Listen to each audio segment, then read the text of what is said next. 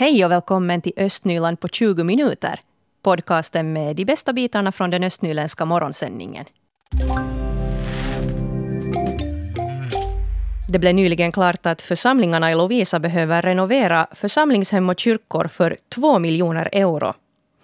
Samtidigt har en hel hop med fastigheter hamnat på försäljningslistan. Och det som påverkas mest av det här är barn och ungdomsverksamheten i Lovisa och speciellt i Pärno.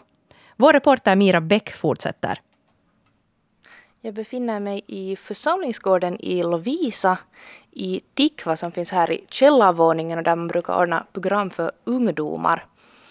Och jag har med mig ungdomsarbetsledare Ann-Marie Karlsson som just har hunnit plocka undan lite och sätta på diskmaskinen här en stund tidigare. Vad har ni sysslat med här idag? No, idag har vi haft hjälpledarutbildning för de som går på nian alltså, som har gått i skrivan i somras. Församlingarna i Lovisa har fått en ny fastighetsplan för åren 2020 till 2022. Och enligt den här planen så finns det många fastigheter som ska säljas. Och en av dem som finns på den listan så är just Lovisa församlingsgård.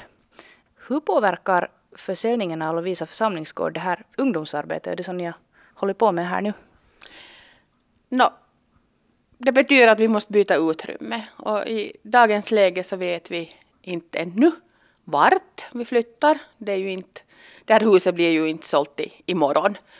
Så att eh, det finns olika planer. Jag vet att de jobbar med olika att vart hyra in så att vi får alla kansliutrymmen på, på samma ställe. Och det betyder att om vi hittar ett sådant utrymme så, så blir prästgården som finns i, i samband med församlingshemmet här vid följande kvarter ledigt och då får vi flytta dit. Och där har vi haft också ungdomsverksamheten tidigare så det, det är inte så stort hopp för oss på det viset. Om det lyckas så som det nu ser ut. Jag personligen så orkar inte ha någon stress över det heller utan jag har konstaterat att det, det löser sig nog på något vis alltid. Så att nu är vi nog åtminstone, det här terminen till slut är vi åtminstone här. Att det vet vi.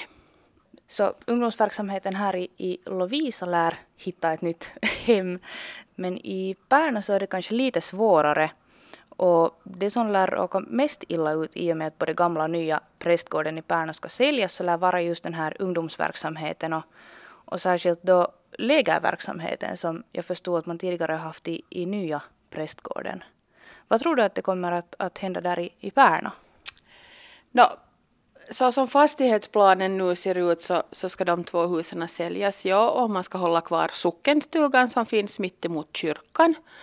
Och så som den nu ser ut i dagens läge så är praktiskt så går det inte att flytta över ungdomsarbete dit, eller barn och ungdomsarbete, för det är det som finns nu i så kallade nya prästgården. Att då krävs det ganska stora ommöbleringar där. Att nu är det ett typiskt mötesutrymme eller minnesstundsutrymme med bord och stolar. Men att kommer ju barn och ungdomsverksamheten dit så betyder det ju soffor och små stolar och sånt här. Att, och då speciellt också när vi haft läger i, i prästgården sommartid så att man har sovit ute i tält där på gården för den är, man slipper på bakgården så att säga och tälta och, och då kan man ha, laga mat och allting där inne. Och så här med, med våra hjälpledare har vi haft ennattsläger så att vi har sovit på golvet där inne. Att det går också.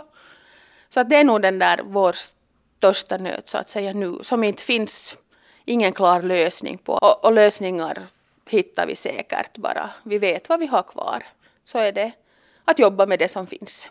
Att det löser sig nog det också. Nå, hur tror du att det går med de här lägren i, i fortsättningen? No, jag hoppas ju att vi har kvar lägren. Jag är en lägermänniska själv nämligen. Men att nu för inkommande sommar så har vi nu helt, helt kallt planerat. Vi har läger i, i prästgården i Pärno. Plus att vi har då sommarklubbar som är på andra ställen och så har vi också läger på som vi är inhyrda på en lägergård. Så att inte, det, det blir eventuellt så att vi inte har övernattningsläger i, i, samma skala som vi har nu utan det blir sommarklubbar alltså som är, är, är dagläger så att säga. Att man kommer på morgonen och, och, så får man hem på eftermiddagen. Men, men det är inte heller någonting som vi har gjort någon flera års planering på utan vi tar det lilla, den biten tar vi ännu lite med, med ro. Har ungdomarna ännu liksom sagt någonting om, om framtiden? Har de, vet de om att det kommer att bli förändringar? Dagens ungdomar är ganska anpassningsbara också. Att inte, vi har inte på det viset pratat när vi inte vet vad vi ska säga att hej att vi flyttar till det och det utrymmet men att de är fullt medvetna om att det kan hända att det blir flyttningar, ja det är de. Och det sa ungdomsarbetsledare Ann-Marie Karlsson och det var Mira Bäck som var reporter. Yrkesfiskaren Per-Johan Gabrielsson från Forsby i Lovisa har fått nät på sammanlagt 240 meter förstörda. De här fiskenäten låg mellan Sarfsalö och Kabböle på en skyddad plats och flyttades en kilometer och förstördes på samma gång. Så här berättar Per-Johan Gabrielsson om näten. Kvanthopp, det du inte visste att du ville veta. Jaha, nu hade vi en puff där som kom på fel ställe. Nu ska vi se om vi får på här rätt ljud med Per-Johan Gabrielsson. Här kommer han. Ja, alltså jag har ingen aning vad som har hänt men de har förflyttat. Senaste, från och med igår har de flyttat sig, jag kan inte med raka men att ungefär en kilometer flyttats, flyttats från det stället vart, vart de var igår det där, de där näten och, och jag har nu varit i kontakt med myndigheterna så de, de utreder nog olika möjligheter. Är det, är det eldåd eller är det en olycka eller någon som inte har märkt att de har fa, något har fastnat i dem men att det återstår att se att vad, vad det här är men att söndriga är de och de har, de har förflyttat därifrån som jag lämnade dem så att jag har ju hört om att, att till exempel Micke Lindholm uppenbarligen fick sin båt stulen här för någon vecka sedan och då blev vi fundera, är det här något som pågår där nu liksom? I... Ja, jag vet inte. Alltså jag, jag har nog Alltså alltid, alltid har det varit någonting att någon har söndrat något nät eller de har blivit överkörda, men aldrig något sånt hänt inte. Och det där, det är ändå ganska så där bebott ställe där, att där finns mycket stugor och sånt där. Så jag har nu liksom väntat på att om någon skulle ha nu sett någonting och väntat på att, att vad, vad, vad det är där, om att det är nu polisanmält det där så vi, vi ser nu att nu är det där in på dygnet, året så jag måste fiska så att jag måste nu bara fortsätta ta den risken att jag får något förstört åt här det där. Att, att det där, jag, jag kan inte i det här fallet något annat göra. Inte. Men det har inte heller varit något blåst som skulle ha kunnat rucka det, på nätet? Nej, ser du, de far inte sönder något nät. Näten far inte sönder. Att om någon strömmar eller något annat skulle förflytta sig, då om du tänker att det har varit 240 meter nät, så det, det, det, du orkar inte med motorbåten flytta dem med våld om du skulle göra illa. Det, det, det, är nog, det är nog liksom med våld på något vis nu. Var är det där? De är, det, det är liksom i kors allt dra i det där. Ja, de ligger inte heller så nära ett far att till exempel något större fartyg skulle kunna ha kört lite vid sidan om och kört fel. Där är, där är inte något, där är inte något farligt i närheten. Eh, det yttar om alla, men alltså det, den där viken tar slut. Alltså det är ingen kör där för att någon båttrafik har inte ärende in dit. Ja, det, det, det, det är liksom nog ganska långsökt. Och det konstaterar här yrkesfiskaren Per-Johan Gabrielsson från Forsby i Lovisa. Och det var Leo Gammal som hade ringt upp honom.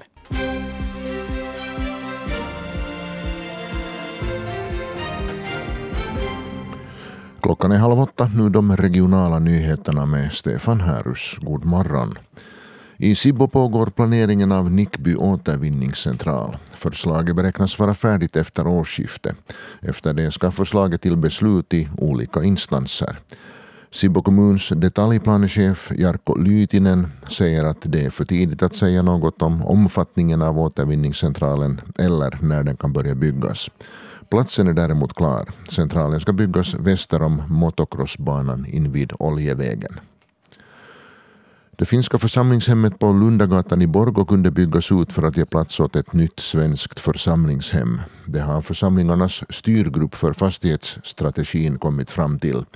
Det som talar för att Borgåförsamlingarna borde göra sig av med det svenska församlingshemmet på Runebergsgatan är de omfattande renoveringsbehoven, höga driftskostnader och den kyrkliga samfällighetens försämrade ekonomi.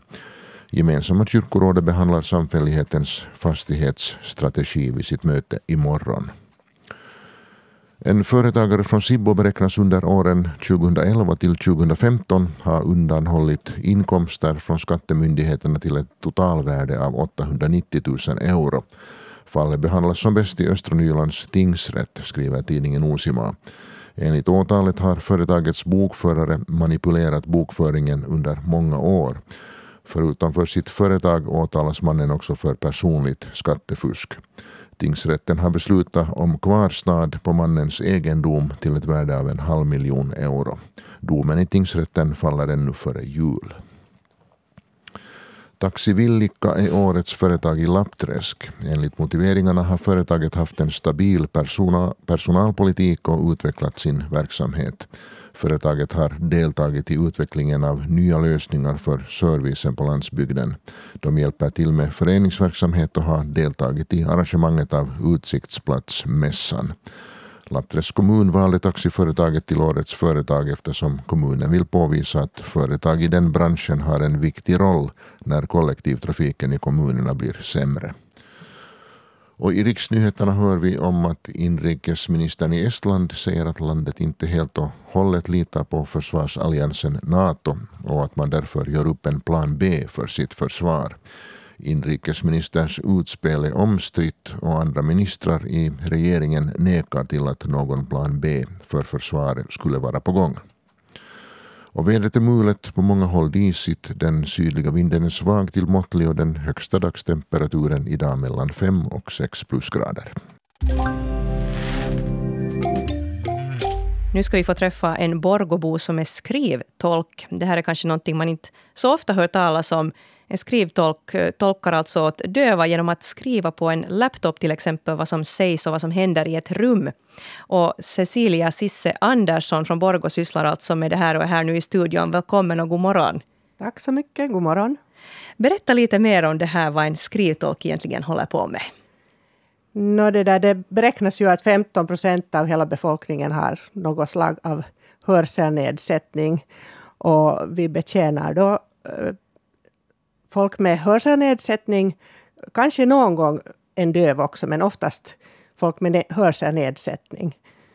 Så det där, vi skriver tal till text alltså. Vi skriver allt som sägs så, så kan den som hör dåligt följa med på, på den här skärmen och, och vara delaktig på samma villkor som andra. Ja, och, och det här kan säkert behövas i olika sammanhang då i livet. Jo, det behövs. Det behövs från studier till rekreation och fester och sammankomster av olika slag, läkarbesök. Det finns jättemånga ställen där du kan behöva stöd för kommunikationen. Mm. Har du varit i rättssalar också till exempel? Eller? Eh, no, jag har personligen inte varit med på något sånt, men det är lite speciellt så att där måste man nog ha extra, extra kunnande för att delta i sånt. Men också där förekommer. Ja. Och hur, hurdana kan dina arbetsdagar då se ut i praktiken? Nå ja, det är lite svårt att säga för det varierar så jättemycket. Att, eh, jag kan ju ha allt från en, en timmes beställning till en hel dag på tio timmar kanske. Så att det är jättesvårt att säga något. Det finns inte någon typisk arbetsdag egentligen. Just det, det varierar ganska mycket. Och du får säkert då träffa en massa olika slags människor och, och besöka just olika ställen och så här. Jo, verkligen. Det är ju en stor positiv grej med det här jobbet. Att man får ju träffa jättemassor med intressanta och trevliga människor och, och se sådana ställen som man kanske inte annars skulle komma till. Så kommer man till via det här jobbet. Ja, Eh, Cecilia Sisse Andersson, vad skulle du säga, vad är det intressantaste uppdraget du har haft som skrivtolk? No, det är också svårt att svara så där direkt att vilket är nu det intressantaste. Men, men alla sådana här stora fester är ju jättetrevliga att vara med på. Föreläsningar, där lär man sig kanske själv någonting smått också på sidan om. Och, och det där. Men en sån där speciell händelse i mitt liv var då när jag var ganska grön och var på mitt första utlandsuppdrag och så blev jag rånad. Så det, Oj, var, nej. Det, det, var lite spännande. ja. Men det ordnade sig till sist. Jag fick ganska bra ersättning nog för det som jag hade förlorat. Nå men tur, men den resan lär du inte glömma. Nej, den, den kommer jag nog alltid ihåg. ja. Nå, hur blev du intresserad av det här yrket som skrivtolk? No, det var så att jag var i ett sånt skede av livet att jag sökte liksom en förändring. Och så råkade jag komma på det här att nu ordnas det en utbildning och det var 2010 som den enda, Eh, tills vidare enda utbildningen på svenska har ordnats i Finland. Vi har Borgobon och skrivtolken Cecilia Sisse Andersson här i studion. Hon eh, tolkar alltså döva genom att skriva ner vad som sägs och händer i ett rum. Så om man har nedsatt hörsel då till exempel eller är helt döv så har man nytta av de här tjänsterna. Och du nämnde här Sisse att den enda kursen där man har kunnat utbilda sig till skrivtolk på svenska har ordnats här senast 2010. Det är inte så ofta då som sådana kurser ordnas. Nej, verkligen inte, för det är den enda kursen som har ordnats på svenska här i Finland. Och, och det där, finns det andra sätt man kan gå tillväga då om man vill bli skrivtolk?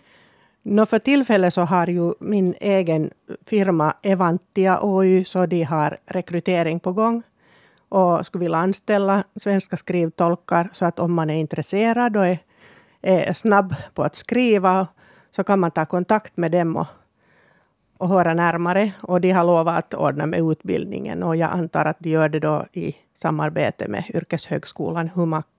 Ja. No, hurdana egenskaper ska man ha för att bli en bra skrivtolk?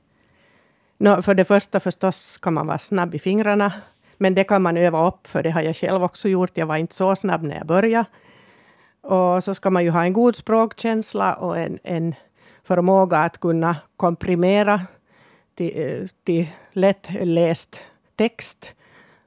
Och så ska man kunna anpassa sig till förändringar och, och vara lite stresstålig också, för det kräver ganska mycket fokus det här jobbet. Ja, man måste lyssna bra. jo, verkligen, och få, få ut det genom fingrarna till någonting begripligt.